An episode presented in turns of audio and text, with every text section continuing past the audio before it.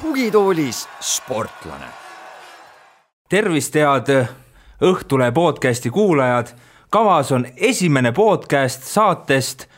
Tugitoolis sportlane. kaua mõtlesime seda nime ja sellisega tulime siis välja. Meil on siin kõrval üks endine tippsportlane, kes küll tugitoolis hetkel ei istu, täiesti tavalises toolis, aga loodan, et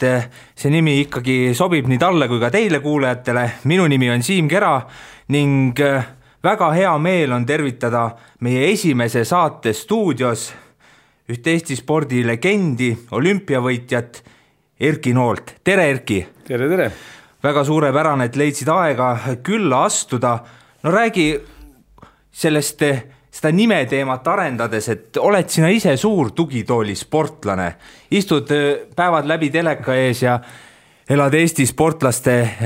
headele ja halvematele sooritustele kaasa? ma arvan, et see, kes on tugitooli sportlane, ei pea mõtlema sõna otseses mõttes, et ma arvan, et enamus inimesed Eestis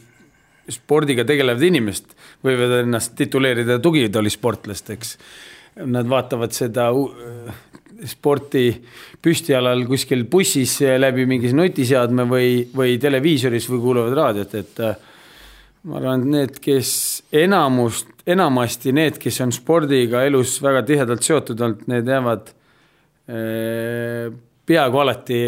spordihuvilisteks elu lõpuni. no sina tundud ikkagi selline eh, spordihuviline, kes ka vahepeal ärritub teleka peale ja pole rahul sooritustega ja ikkagi, et selline sportlase kehv tase võib sind endast välja viia? päris niimoodi ma ei ütleks, aga võib-olla, võib-olla natukene selline emotsioon tõuseb või langeb kuidas nüüd võtta, just nende aeg-ajalt spordijärgsete nagu kommentaaridele, nii kasvõi sportlaste või nende treenerite või ka, ka spordiajakirjanikud, kes täitsa arutult mingit taset nagu upitavad mm -hmm. ja, ja nagu ei suuda nagu oma armastatud alast välja hüpata, et ma üritan ikkagi eh,, üritan olla selline enda arvates eh, objektiivsem, et loomulikult igal spordi eh, huvilisel on oma lemmikalad, millel ta rohkem kaasa elab ja või ütleme süviti vaatab võib-olla sellist statistilist poolt ja kõike muud, aga, aga eks ma ikka jälgin jah, ja ma saan ikkagi aru, et kui, kui suusataja kaotab kellelegi tuhande kolmesajas meetris kolmekümne sekundiga, siis ikka tunneli põhi, lõpus ikka väga valgust ei ole, ikkagi väga pime on see värk. no me oleme arutanud toimetuse siseselt ka tegelikult nende näiteks suusatajate, laskesuusatajate kohtade ja punktisüsteemide üle, siis tegelikult ju teistes spordialades neid väga ei ole. ja siis ongi nii, et sportlane saab näiteks kahekümne üheksanda koha ja punktisüsteem teeb selle kuidagi automaatselt väga hinnaliseks tegelikult see on ju ikkagi kahekümne üheksas no koht. me võiks isegi neid punktisüsteeme arvestada ja kiita neid võib-olla, aga me saaks sellel, sel juhul neid äh, tippspordi poole pürgivaid sportlasi, kes saavad nagu punktikohtasi, me saaks neid hinnata ju ainult selle alusel, kui nad eelmine aasta said maailmakarika etapil näiteks X punkti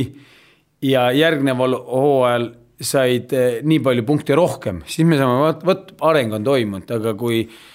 noh, sa saad nagu ühe korra sealt punkti kohale, siis nagu arengut niikuinii ei ole toimunud, et siis ei ole mhm. midagi nagu are-, arutada, eks noh. loomulikult mingites aladesse on see natukene eh, lihtsam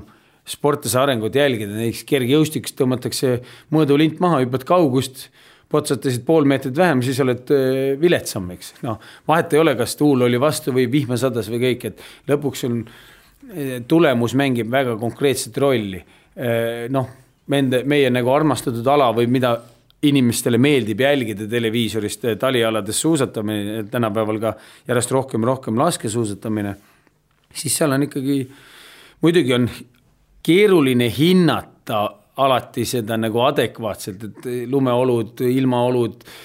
esimesed stardivad ühe temperatuuriga lumega, teised teisega ja suusa libisemine, aga noh, lõppkokkuvõttes hooaja lõpuks me ikkagi saame teada, mitu korda nad seal punkti kohal olid ja kui nad olid vähem kui eelmine aasta, siis nad on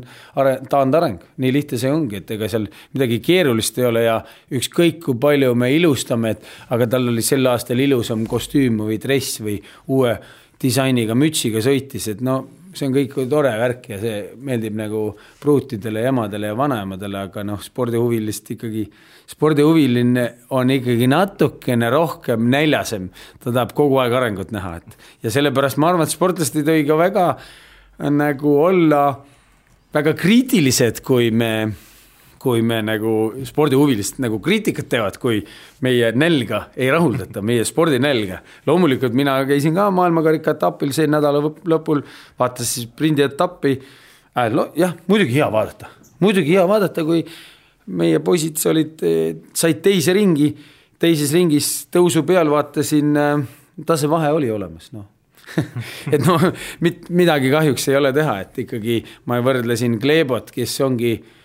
tõusude peal, vähemalt sel võistlusel või viimasel kahel aastal on olnud fenomen, aga, aga seal ongi väike vahe, jah aga kas rahva ootused on nagu üldiselt õigustatud, sest no kui me vaatamegi igasuguseid kommentaariume ja mida iganes, ükskõik mis teemadel, Eesti inimesed tundub, et väga lihtne on nagu endast vihale ajada niimoodi, et hakkab väga palju ootama kõigist. no ma ei tea, noh, ma arvan, et Eestis, ma arvan, et nagu see on mingisugune inimtüpaas, kes on kõik rahulolematu, et noh, mäletan ka enda aegu, kui siin maailmameistrivõistlustel peale suurt vigastust äh, läksin ti tiitlivõistlusele, siis sisehallis sain viienda koha ja siis oli suur pealkiri, et häbi. aga noh, et selles suhtes me olemegi, kui me oleme harjunud kedagi nagu paremini nägema ja siis ta teeb no, meile, meie ootuste äh, meie ootusi on rikkunud, siis me oleme tigedad, aga kas seda peaks nagu kommentaariumisse kirja panema, see on juba iseküsimus, et see, see me võib-olla, meie eestlaste loomus on see, et me nagu seda negatiivset meeldib rohkem nagu avalikult presenteerida, kui seda positiivset emotsiooni, mida me saime. Et me, meil nagu hästi meeldib nagu vastanduda, et noh, siin on erinevad, noh, ma arvan, et spordiajakirjanikud tunnevad seda kõige rohkem, et ega kui ma armastan mingi ühte paljumängu, siis teised, teised spordialad ei kõlba kohaga ja siis me üritame kogu aeg äh, statistilisi numbreid äh, välja tuua, mis ala ikkagi on parem, et noh, lõppkokkuvõttes, kui me tahame kõike, et vaatame, et kriket on üldse kõige kõvam ala, et noh, selle vaatab kõige rohkem inimesi neid, et noh. sa lugesid äh, enda kohta kommentaare kui see sportlane? no kui ma tegin, mu nagu ütleme, hiilgeajad olid, siis kommentaarium oli järjest väiksem ja väiksem, et või noh, siis algul ei olnud ju üldse sellist, sellist asja, aga ega ma noh, aga mul on tänapäeval jah, üks nii kui mingi artikkel tuleb, siis mul on umbes kaks-kolm sellist klassikalist sõpra, kes mind kritiseerivad, kes kasutavad samasugust, samasugust lauseehitust, nii et sellised nagu arusaamatud sõbrad on mul jah olemas, et aga las nad on, et ega igaüks ikkagi, iga sportlane teeb oma, oma võimete piiril, eks. Noh, kas vaimsete piiridel, kas näe, kas oma füüsiliste võimete piiril või vaimsete võimete piiril, ega, ega sport ei ole ainult äh, ei ole ainult äh, käteramm ja, ja jala, jala tugevus ikkagi natukene, kui sul kuppel on pehme, siis äh, ei pruugi ka maailma kõige andekam füüsiliste eeldustega sportlane kuhugi jõuda, nii et et ma isiklikult ei usu, et keegi läheb tipp või tiitlivõistlusele ütleb, et ma kurat, seekord ei viitsinud nagunii pingutada, ma teengi sita tulemuse, aga aga, ja sellepärast mulle natukene, mind häirib tegelikult, kui ma päris siiralt ütlen, kui ma vaatan, kui Eesti sportlased lähevad tiitlivõistlustele ja tehakse intervjuud lennujaamas, siis reeglina üheksakümmend, ütleme viis protsenti sportlast, ma lähen, annan endast parima. no mis variante on veel mitu varianti on veel, mitte endast parimat anda iga et päev no,, iga inimene võiks iga päev endast parima anda. jah, et, et need, kui sa oled nagu, sa oled aasta aega harjutanud ja lähed tiitlivõistlusele, siis on ju loogiline, et sa oled paremat andma, et noh, sportlased võiksid nagu oma parimat küll öelda, et minu hetkeseis on selline, et ma peaks tulema kahekümnendast kolmekümnenda kohani või esimesest teiseni või, või teisest kaheksanda kohani, et, et selliseid nagu hinnanguid võiks sportlased julgemalt anda, et ma arvan, et see pole absoluutselt sportlaste suhtes mingi ülbus, kui nad ütlevad, ma lähengi võitma. mis sellest imelik on, ma lähengi kuuendat kohta saama, sellepärast et viis esimest on äh, väga head ja ka seitsmendast alates kõik on jube palju viletsad must, et mis seal siis halba on? me oleme oma jalgpalli podcast'is kolmas poolaeg ka palju rääkinud sellest samast ülbusest siis jalgpallurite kontekstis ja nagu üldiselt, kui me vaatame, eks ju, Ameerika sportlasi, kes on sellised, taovad kätt vastu rinde, ütlevad, mina olen maailma parim, siis natuke tundub Eesti sportlastel ka sellisest, et kas julgusest või usust jääb puudu ja samas vist ega ei juleta ka väga öelda, et ma lähen võitma, sest nad või võib-olla veidi kardavad, et mis siis pärast nendega tehakse, lintšitakse avalikult ära, kui ei tule seda. no aga mis muu variant on, et kui sa, kunagi ma, kui mul olid, eh, ma olin sportlane, mul olid lahkhelid eh, olümpiakomitees ja siis eh, noh, võib-olla ma olin natukene häiriv persoon tolle aja spordiametnikele, kuna sinnamaani oli spordiametnikud olid otsustanud ka sportlaste nagu äh, elu ja saatuse üles, selles mõttes, et äh, mitte nii traagilist mõtta seda elu ja saatust, vaid vaid selles klassikalises mõttes, et sportlase kõik laagrid, kõik võistlused, kõik, keegi organiseeris piletid, kõik maksis kinni, keegi tegi seda. mitte sportlane, sportlane ise ei otsustanud midagi. et äh, võib-olla ainult seda, et kuhu panna sammumärk. aga et seega, et sportlase, tippsportlase ja ja spordiametnike sisse on natukene see konflikt sisse kirjutatud, on ju väga loogiline. selles suhtes, et sportlane, mina tulin Tallinnasse õppima spordiinternatkooli kahe, kolmeteistaastaselt, ma käisin iga päev, tegin kaks trenni selleks, et kedagi võita. et kui sa oled kakskümmend aastat seda teinud, siis ei ole, eh, see on ju loogiline, et su iseloom kujuneb natukene teistsuguseks välja. ükski spordiametnik ei mõtle, et et ma tahan olla par-, maailma parim spordiametnik, eks. või üldse ametnikud, eks, noh, et ma olen, mina olengi maailma parim spordi- või ametnik, eks, ma olen kõige paremini teen bürokraatia tööd, eks ju. et ja siia ongi see konflikt kirjutatud, sellepärast et sportlane läheb laagrisse, tuleb tagasi, mingid asjad ei ole liikunud, saad, sõimab kõigil näod täis ja läheb võistlustele tema jaoks on see unustatud, eks, noh, kuna rong liigub ju, ega siis kui me vaatame maailma statistikat, siis iga tippsportlase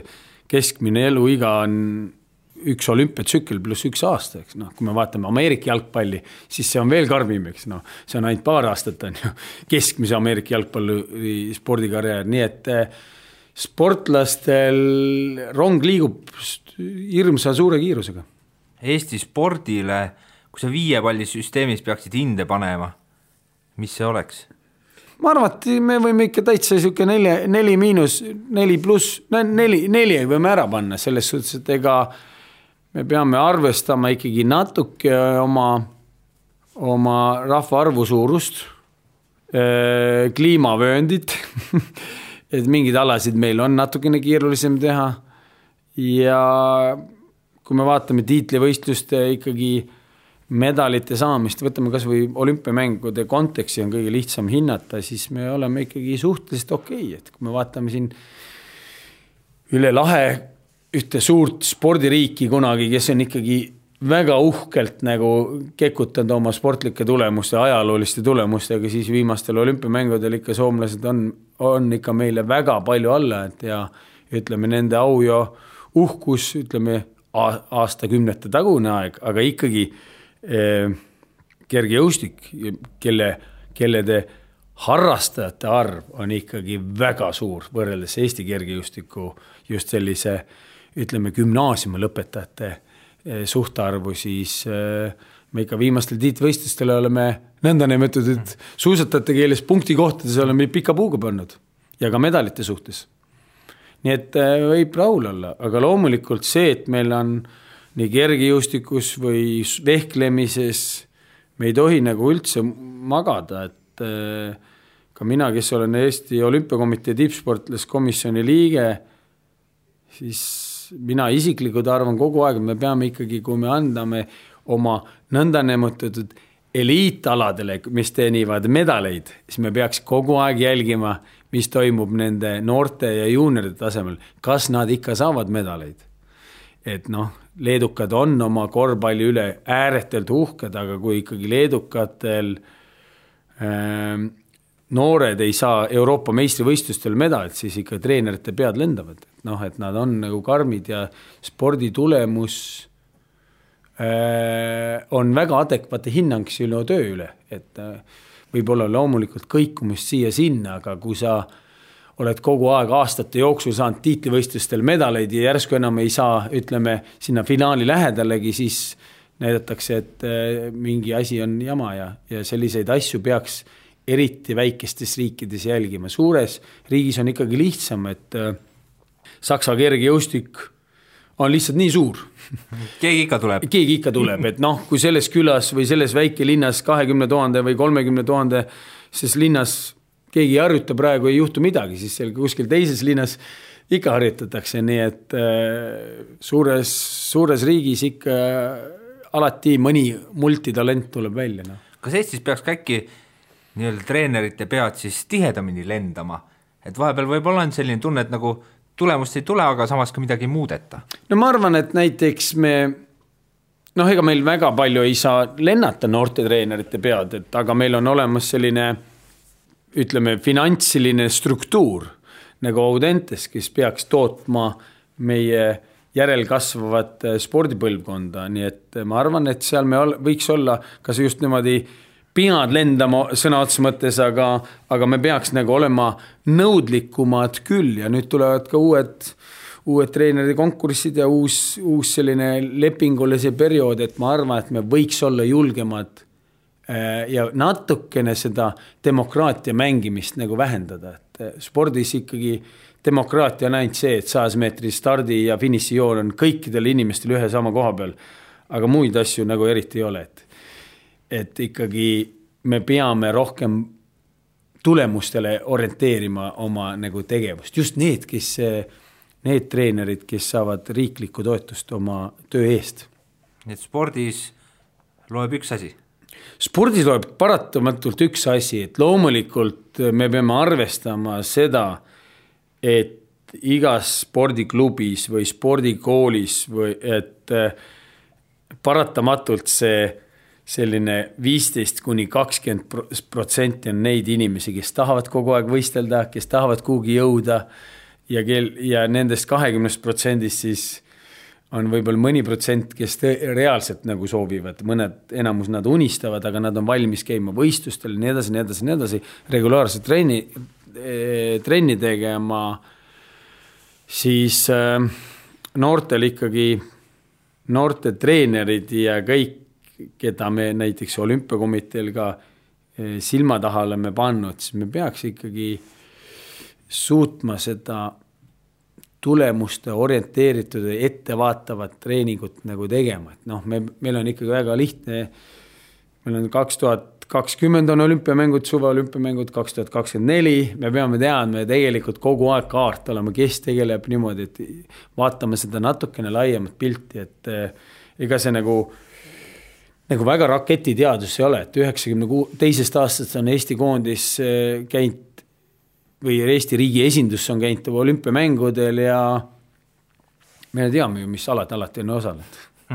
et noh, et ega me ei pea ja kui tulevad sellised Kelly Sildaru sugused eh, andekad inimesed, on väga hea ja meil tänasel hetkel on juba riigis nii palju raha küll, et meil selliseid üksikuid andekaid saame nagu toetada, aga selleks, et oleks järjepidevalt ütleme, tugev keskmine tase, me peame mingeid alasid ära no, no, välja noppima. No.. et noh, ütleme, kui tuleb jälle selline Luna Lagoda sarnane multitalent jooksis, teda me peame ette valmistuma ja lõpuks saadamegi ta sinna Keeniasse, sinna savionni elama ja, ja maksame talle selle, selle hirsipudru lõunad kinni, eks. Ju, no ja kui tal kuppel vastu peab, siis tast saab sportlane, kui ei saa, siis midagi ei juhtu, aga meil on selline üksikinimeste nagu toetumise võimekus on riigina olemas. nii et seda peaks nagu rohkem tegema? ma arvan, et see nagu süsteemsemalt tegema jah, et me peame teadma, et meil on nagu võrkpall, noh, piltlikult öeldes. ja siis me taome seda rauda, kuni see on kuum täpselt nii, et noh, praegu on samad moodi, ütleme niimoodi, et meil on vehklejad super heal tasemel, just nais, naisvehklejad. kakleme kõik on intriigid, kõik ajakirjandusele meeldib, kes jäeti välja, kes pandi sisse, kes, kes treener ei meeldi kellelegi teisele ja noh, kogu see ebaoluline spordi juurde kuuluv asi nagu on, kõik on olemas pildil nagu väga hästi. aga kui me hakkame nagu tausta vaatama, siis kõik need võisttüdrukud on sellises vanuses, et lõpuks mõnele see kaklus viskab üle ja nii edasi, nii edasi, nii edasi, üks sünnitab ühe lapse ja teine abiellub ja kolmas armub ja, ja mida iganes ja lõpuks neljas lööb üldse käega. et me võime olla rahulikult, kui meil järelkasvu ei ole, me oleme sellises situatsioonis, kus me saame medal medali otsa, mis nagu kunagi iial otsa ei lõpe järsku lõppes kõik korra, sellepärast et ühel päeval kõigil viskas üle, eks noh. et sellepärast me selliste väga nagu tugevatel aladel ja kus meil on väga võimas teadmiste pagas, know-how. Eh, me peame hoidma seda klassikalist. meeldib meile see ala nii palju või ei meeldi, me võime siin rääkida, et oh, keegi ei vaata vehklemist või midagi, see ei ole üldse oluline selles kontekstis. meie olu-, meie kontekst on see, et me peame olümpiamängudel olema edukad, me viima ikkagi vähemalt nelikümmend inimest peaksime olümpiamängudel erinevate aladega välja suut-, suutma viia ja sellega me peaks nagu tegelema mõneks hetkeks korraks spordist kõrvale, et äh, mind hakkas huvitama, et milline, sa oled Võrus sündinud, et äh, milline sinu lapsepõlv oli, oli, et milline sinu lapsepõlv oli, milline oli Võru näiteks seitsmekümnendatel? kas äh, oli ikkagi selline, USA-s on ka ju palju seda, et elataks seal väikelinnas ja siis leitakse see sport ja et saaks kolledžisse ja saaks nagu kuidagi nii-öelda parema elu peale et kas sina tundsid ka sellist, et tahaksid ära, tahaks suurde linna Tallinna? no mina olen, meil, meil on nagu hoovi ümbruskond, keda, keda, kellega me mängisime ja kellega me jooksime ringi. mulle õudselt meeldisid tagaajamismängud, et eh, Lõuna, Põhja-Eestis nimetatakse seda kulliks, aga Võrus on see leka. minu lemmikmäng oli leka ja eks meil oli hästi palju selliseid eh, kraagasid, kes oli, vanasti oli hästi populaarne saada või populaarne ja väga lihtne oli saada eh, alaealiste asjade komisjoni arve tupparvele. et meie sellest piirkonnast vist ma tean kahte inimest, kes ei ole sinna kunagi sattunud, on Kalev Annom, kes on Võrumaa Teataja peatoimetaja. Ja siis mina, et kaks inimest vist ei ole sinna sattunud, ülejäänud kõik olid seal ilusti miilitsas arvel, nii et äh, aga no lapsepõlv ikkagi oli nagu, ehitasime, käisime prügimäel, ostsime igast asju, tegime bobikelke peale tali olümpiamänge ja, ja ehitasime, et selline noh, meie elu oli ikkagi väl-, väga liikuv ja väljas, eks. et tänasel hetkel on nagu äh, minu jaoks on hästi arusaamatu ja noh, see on niisugune mutikeste ja plikatirtsude nagu teema, kes saavad europrojekti rahad, et iga päev me kuuleme mingist koolivägivallast ja kiusamisest ja hirmsalt tahame saada, puhuda seda nagu hästi-hästi suureks, et selleks, et me ikkagi õigustaks oma projekte ja, ja igapäevast sissetulekut, siis äh, meie koolis oli, ma käisin kirikukoolis, Võru esimeses kaheksaklassilises koolis, tol ajal veel Nõukogude Liidu kangelane Helen Kulman, kes tegelikult ajalooüürikutest välja ei olnud mingisugune kangelane, eks, aga tol ajal ikka otsiti ja, ja meil oli alati peale koolipäeva oli kiriku taga oli kaklused, et keegi, mingid poisid omavahel ikka tülli läksid ja niimoodi kaklust ka, kõik tulid vaatasid, kes siis täna kaklevad omavahel, et see oli nagu selline loomulik osa ja kuna oli Võrus oli ka suur sõja, Suvoorovi sõjaväe osa, siis meil olid väga kõvad jalgpallilahingud vene poistega ja, või venekeelsete poistega, kes seda teab, mis rahvusest nad olid. aga sõjaväelaste lapsed olid ja alati läks peale seda ka kõvaks kakluseks, nii et, et sellist, aga noh saan aru, et seitsmekümnendatel aastatel ikkagi inimesed olid liikuvad, hästi liikuvad ja sellist nagu äh, noh, kui ma vaatan praegu, vaatasin septembrikuus äh,, läksin tüdrukule kooli vastu, et viia ta trenni. ja väljas oli kolmteist kraadi sooja ja see, et lapsel on äh, suusamütsid peas, suusatalvejopp on seljas juba septembri keskel, väljas kolmteist kraadi, siis sellist äh,, sellist nagu pulli ei olnud ja inimesed tänu sellele ei olnud nii, nii haiged nagu tänapäeval, kõik saavad iga, iga väike köha läheb suureks viirusehaiguseks. saan aru, et siis eh, koolikiusamist nagu väga pole ja inimesed peaks rohkem kaklema koolis. Mitte päris niimoodi, aga ma ütlen lihtsalt selles suhtes, et, et äh,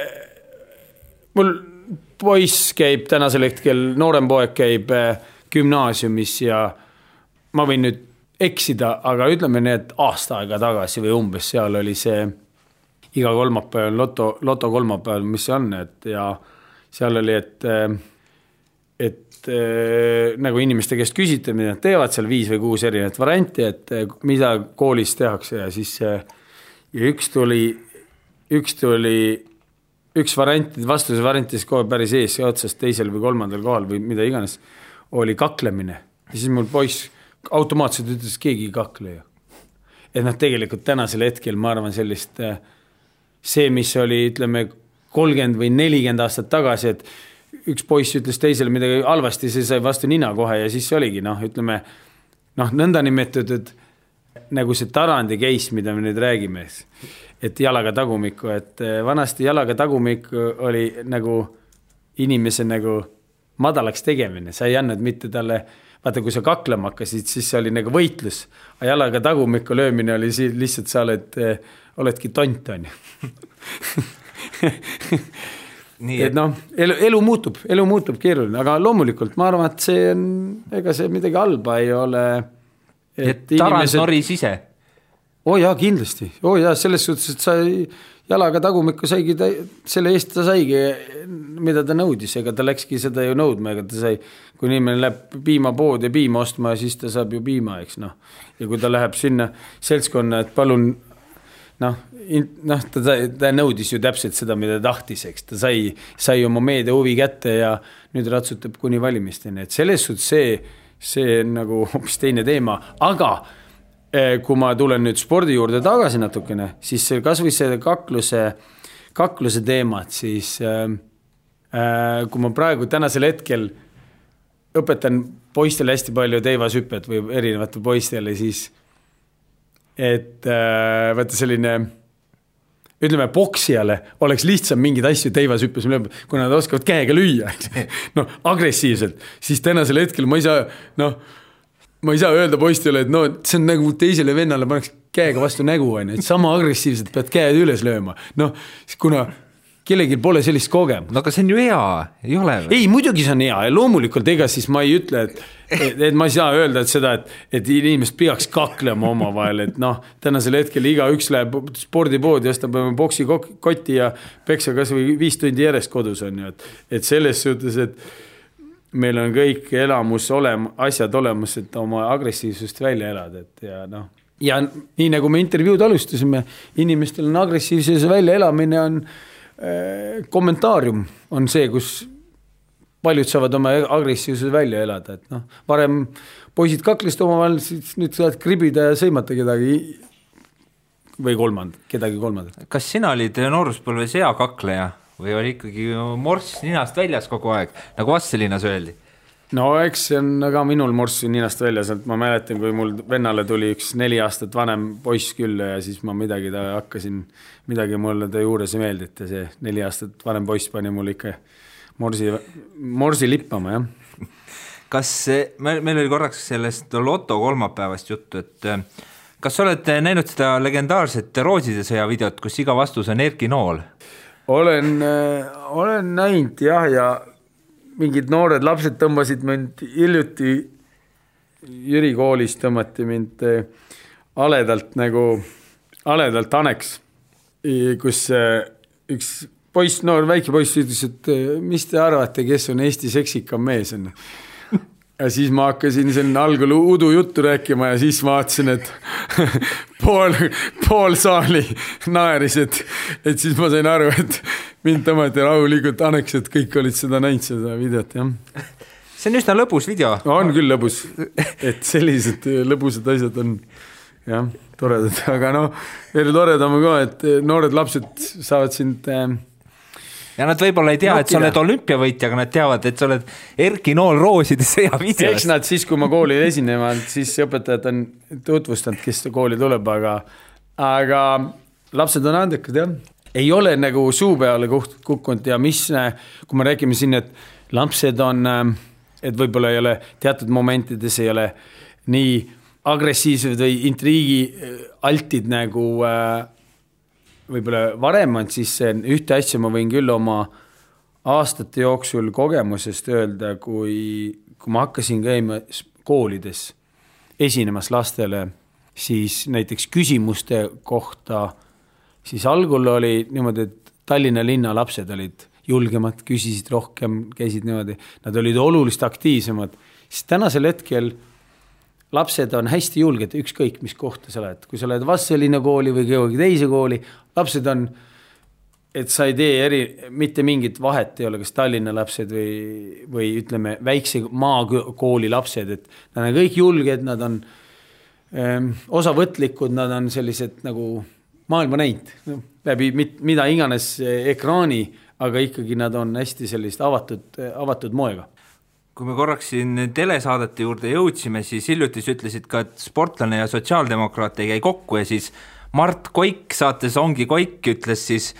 vastusõna, et ma loen selle ette ka, et kelle kulul sa, Erki, käisid välismaal hüppamas ja kargamas, ise ostsid lennupiletit ja broneerisid hotellid. ei, sa käisid meie maksumaksja kulul. natuke sa juba muigasid, kas sa oled, seda oled sa näinud? Ei, seda ma ei ole näinud, aga, ma võin selle Koigi või mida iganes ta nimi oli, et võin rahulikult öelda, et enamus jutust tema väitest on väga vale et sul olid, ikka käisid sponsorite toel? no ma isiklikult võin öelda, et äh, minu olümpiavõitja enamus ikkagi on kahjuks või õnneks on enamus ikkagi Saksa, Saksa toetajate toel, nii et Eesti maksumaksja kahjuks või õnneks võib öelda, et tema on panustanud suhteliselt marginaalselt minu spordi tegemisse. pärast, kui sa karjääri ära lõpetasid, kas sul ei olnud mingisugust sellist identiteedikriisi, et kes ma nüüd olen ja miks ma teen, et selline suur spordiosa võeti ometi ära, et paljud eksportlased on tegelikult nagu äh, rääkinud, et kuidagi vaip tõmmaks, tõmmatakse jalge alt ära? kunagi, kui ma olin äh, Rahvusvahelise Olümpiakomitee liige, sportlaskomisjoni liige, siis meil olid need äh, programmid äh, läbi ühe suure töö, tööbörsifirma Adeco, kes oli Rocki, Rocki sponsor ja me tegelesime aastaid selle teemaga ja seda programmi üles ehitada, et sportlane, tippsportlane peale spordikarjääri. loomulikult see on, on äh, teemaks, et äh, ma tegelikult, äh, mul läks suhteliselt valutult, ma arvan, selles suhtes, et ma esiteks alates üheksakümne kuuendast aastast hakkasin arvama, et seda, et tippsport võib päevapealt lahkuda, lõppeda. inimene võib saada väga suure trauma, eks. tippsportlased peavad seda arvestama teiseks, äh, teiseks, kui ma lõpetasin sportlane, sportlaskarjääri, ma olin päris, ütleme, võib nimetada täiskasvanud. tänapäeval järjest see täiskasvanud noor, vorm läheb järjest edasi, juba kolmekümne viie aastased inimesed ei ole veel suutnud oma elu sättida ja arv, arv, otsivad mingeid asja, aga mul oli tolleks hetkeks juba ikkagi pere, pere ja lapsed ja, ja lapsed hakkasid kohe-kohe kooli minema, nii et, nii et selles suhtes mul, mul oli kindlasti lihtsam, et ma olen nagu pereinimene, mul oli nagu mingeid muid asju, tegevusi, tegevusi ka juba tehtud ja ma olin valmistunud. ma arvan, et ega, ega sportlased peaksid seda ka valmistuma ja ma arvan, et ka tänapäeval, kui ma vaatan neid Eesti noori sportlased, kes on juuniori tasemel, on väga heal tasemel kes ikka väga paljud ikkagi vaatavad, neil on see õppimine, haridus ja kõik see on väga tähtis ja kes on läinud päris korralikesse Ameerika ülikoolidesse ja teevad korralikult sporti ja õpivad ka väga korralikul tasemel, selles suhtes nad saavad, valmistuvad enda elu ette, nii et ma arvan, et see suuremaks, väga suur probleem ei ole, aga loomulikult erandeid on alati ja ega selle vastu ei ole ka midagi teha. Sinu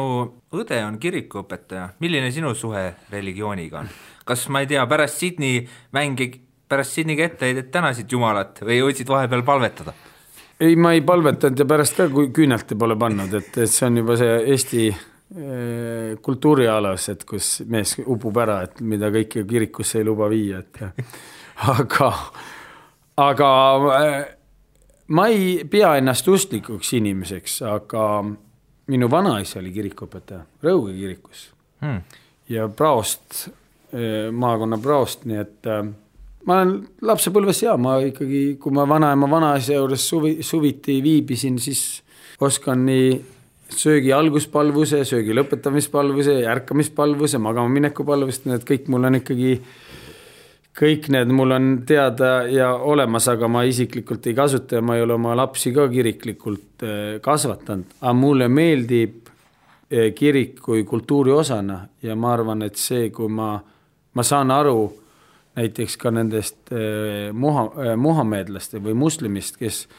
väga nagu pi-, eh, solvatuna tunduvad, kui nende Muhamedi solvatakse. ja mina, kes ei ole üldse mingisugune, ei pea ennast usklikuks, aga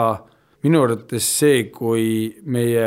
Eesti Rahvusmuuseumis Neitsi Maarja kuju nagu pandi üles, eksponeeriti ja iga inimene sai seda nagu jalaga, jalaga lüüa, et see kildudeks purunes ja me näitasime televiisoris, me olime jõle õnnelikud, et ausalt öeldes ma oleks väheseid kordi, kui ma olen natukene, mina kui noh, mõnes mõttes ma ikka kristlaseks pean, ma olen nagu puudutatud, et ja kui need nii kõvad mehed, kes käivad nagu kristlasi mõnitamas, siis eh, tehke samasugune happening eh, muhamedlase kohta ka, et siis, siis ma saan aru, et te nagu kunsti nagu tunnetus on õiges kohas, et kui te juba kunsti peale läksite, siis ja võite isegi öelda, mis piirkondades te pärast nagu elate, et siis vaadake, et kuidas see kunst nagu, kunstitegevus nagu mõjub. mainisid perekonda, kas, eh, ma tegin hiljuti Nikolai Novosjoloviga intervjuu ja siis ta ütles ka, et kui kui ta laagris on, siis ta nagu iga päev perega ei räägigi, pigem saadab sõnumeid, et liiga valus on, et selline Skype imine ja kui sa kuuled nagu siis abikaasa ja laste häält, et kuidas, mulle alati tundub see sportlasena ka üsna keeruline roll, see lapsevanema roll, sa oledki kogu aeg ju laagrites ja tegelikult sport peaks olema sul see number üks asi, samas sa pead ikkagi, sul on olemas perekond. no ütleme tippsportlase kõige keerulisem ikka tippsportlase abikaasal, et et noh, tippsportlase enda. sina oled laagris ja jäid lillu-lillu, jah? no jah, et sa ikkagi, kui lapsed on äh,, lapsed on väiksed ja öösiti ei maga, siis on ikkagi põhirõhk on ikkagi abikaasade peal, nii et äh, me võime ükskõik ilusaid ja kangelaslikkusi lugusid tippsportlast rääkida, kui tubli ta tublid me oleme, et loomulikult, äh, loomulikult äh, on see hea ju, kui tippsportlased saavad oma pere kaasa võtta, aga ega ta alati nagu väga lihtne ka ei ole, et noh, sa lähed laagrisse noh, füüsilist tööd tegema, et ka mina tegin ikkagi laagrites vähemalt seitse tundi päevas trenni, nii et noh, et ega seal ikkagi lõpuks on, oled sa laagris küll, ikkagi su abikaasa on ikkagi lastega üksi, nii et eh, kuigi ütleme, minu elu läks ka natukene lihtsamaks eh, viimastel aastatel eh, ja mul abikaasa käis, aeg-ajalt käis laagrites kaasas, aga ma arvan, et ka tippsportlaste abikaasad on ikkagi, nad on, reeglina nad saavad aru, kellega nad koos elavad, et, et ega ja see on nagu ka tippsportlaste töö, eks. aga loomulikult, kui spordikarjäär lõpeb, siis tippsportlased hakkavad rohkem ja rohkem oma lastega tegelema, nii et see on nagu loomulik protsess. aga jah, tol ajal, kui mina veel tegin, siis nagu Skype'i, Skype ju tuli, eks, aga, aga noh, veel ma mäletan, kui me olime Tallases, arutasime, et jube hea oleks selline, oleks selline süsteem, et sa saaks nagu trenni filmida. Ja siis kuskil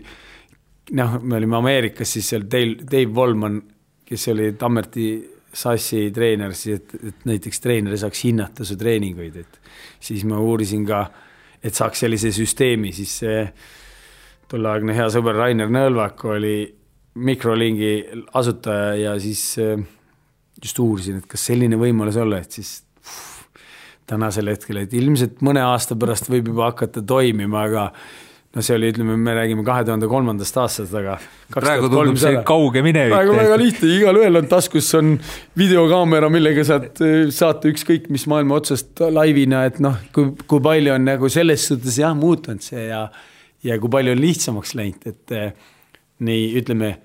perega suhtlemine kui ka ütleme, ka sportlastel puhttehnilist, et tänapäeva tippsportlane saab, kui tal on selline sotsiaalne suhtlusvõrgustikus olemas, siis äh, sa saad nii palju nagu abi läbi meedia, et,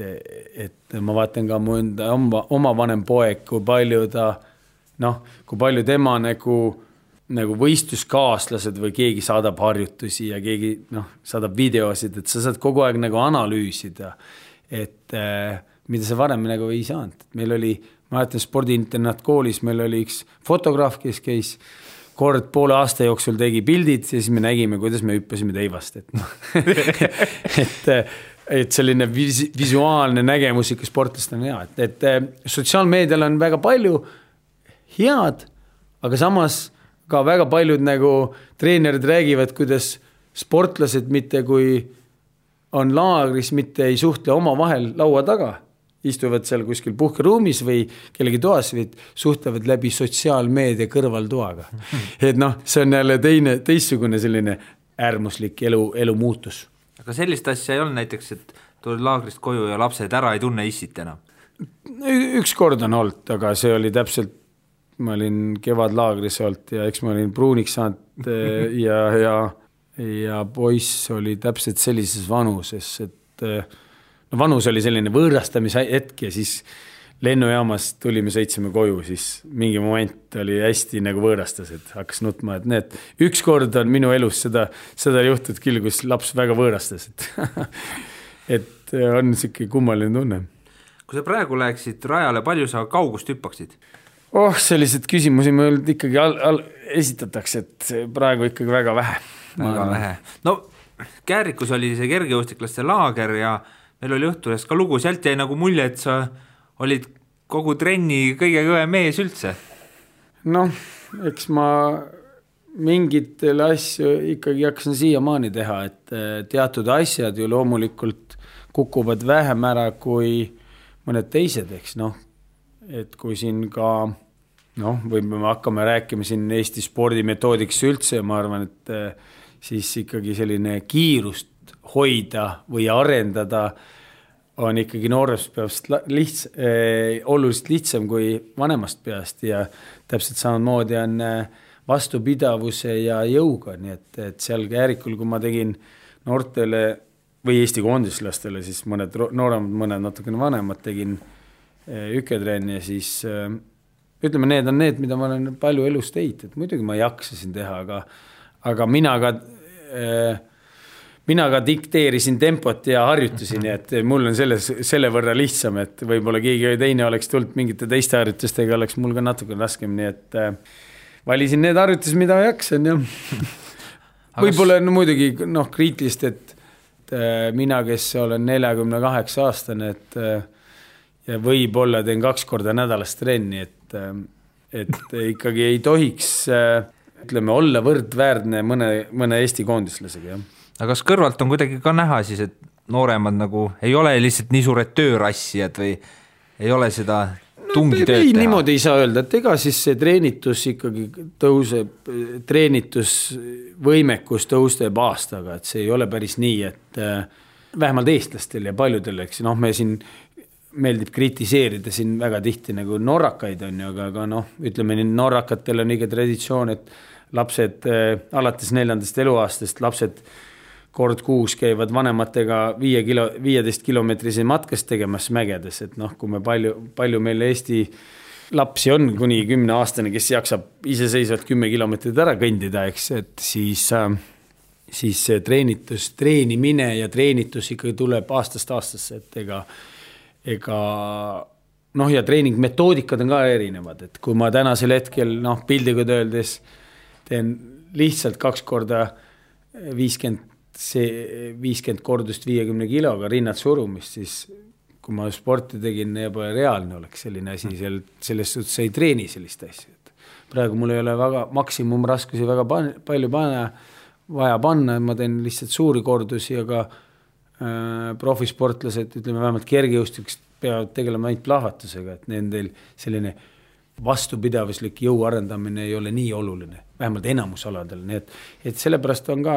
noh, ütleme tuhat kõhulihast võib-olla järjest ongi kergejõustiklasel või paljudel selliseid plahvatusala inimestel raske teha.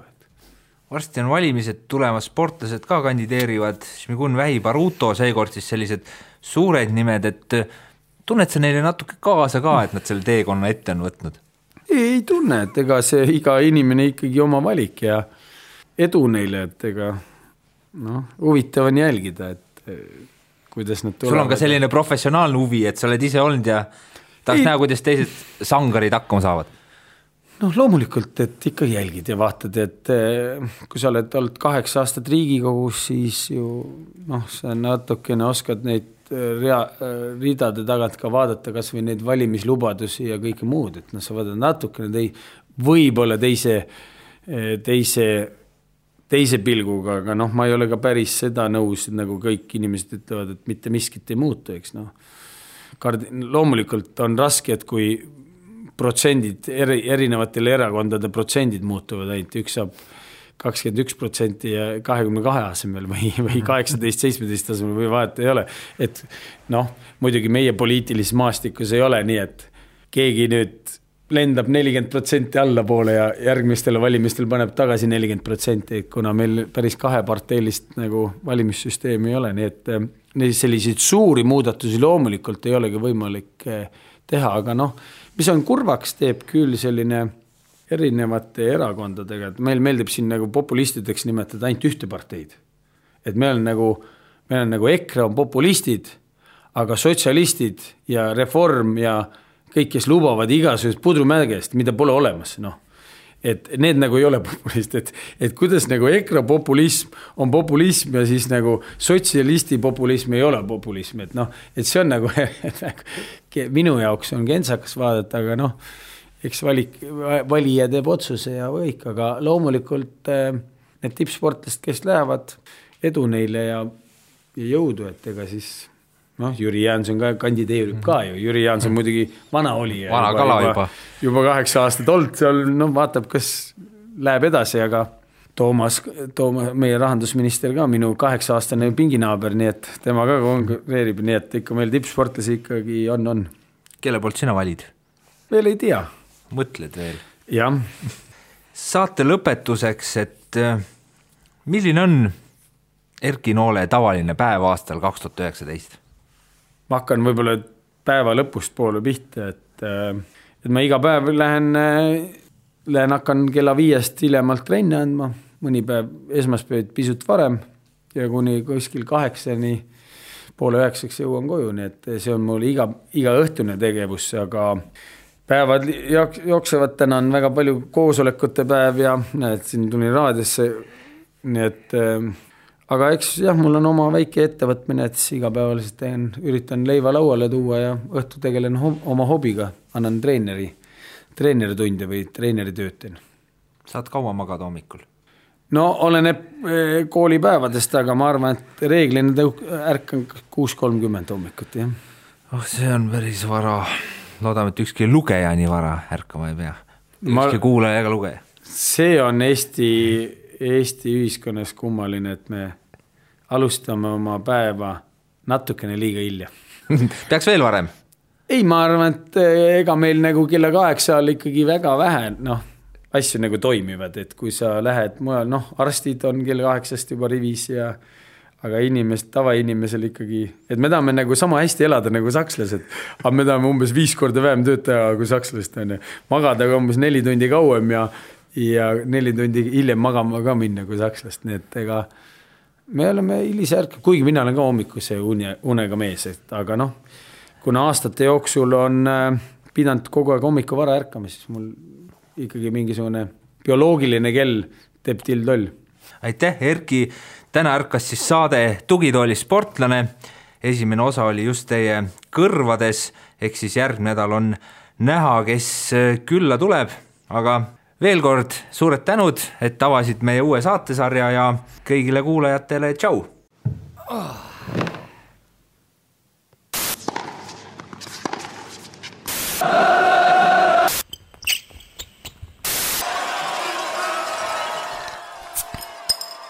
tugitoolis sportlane.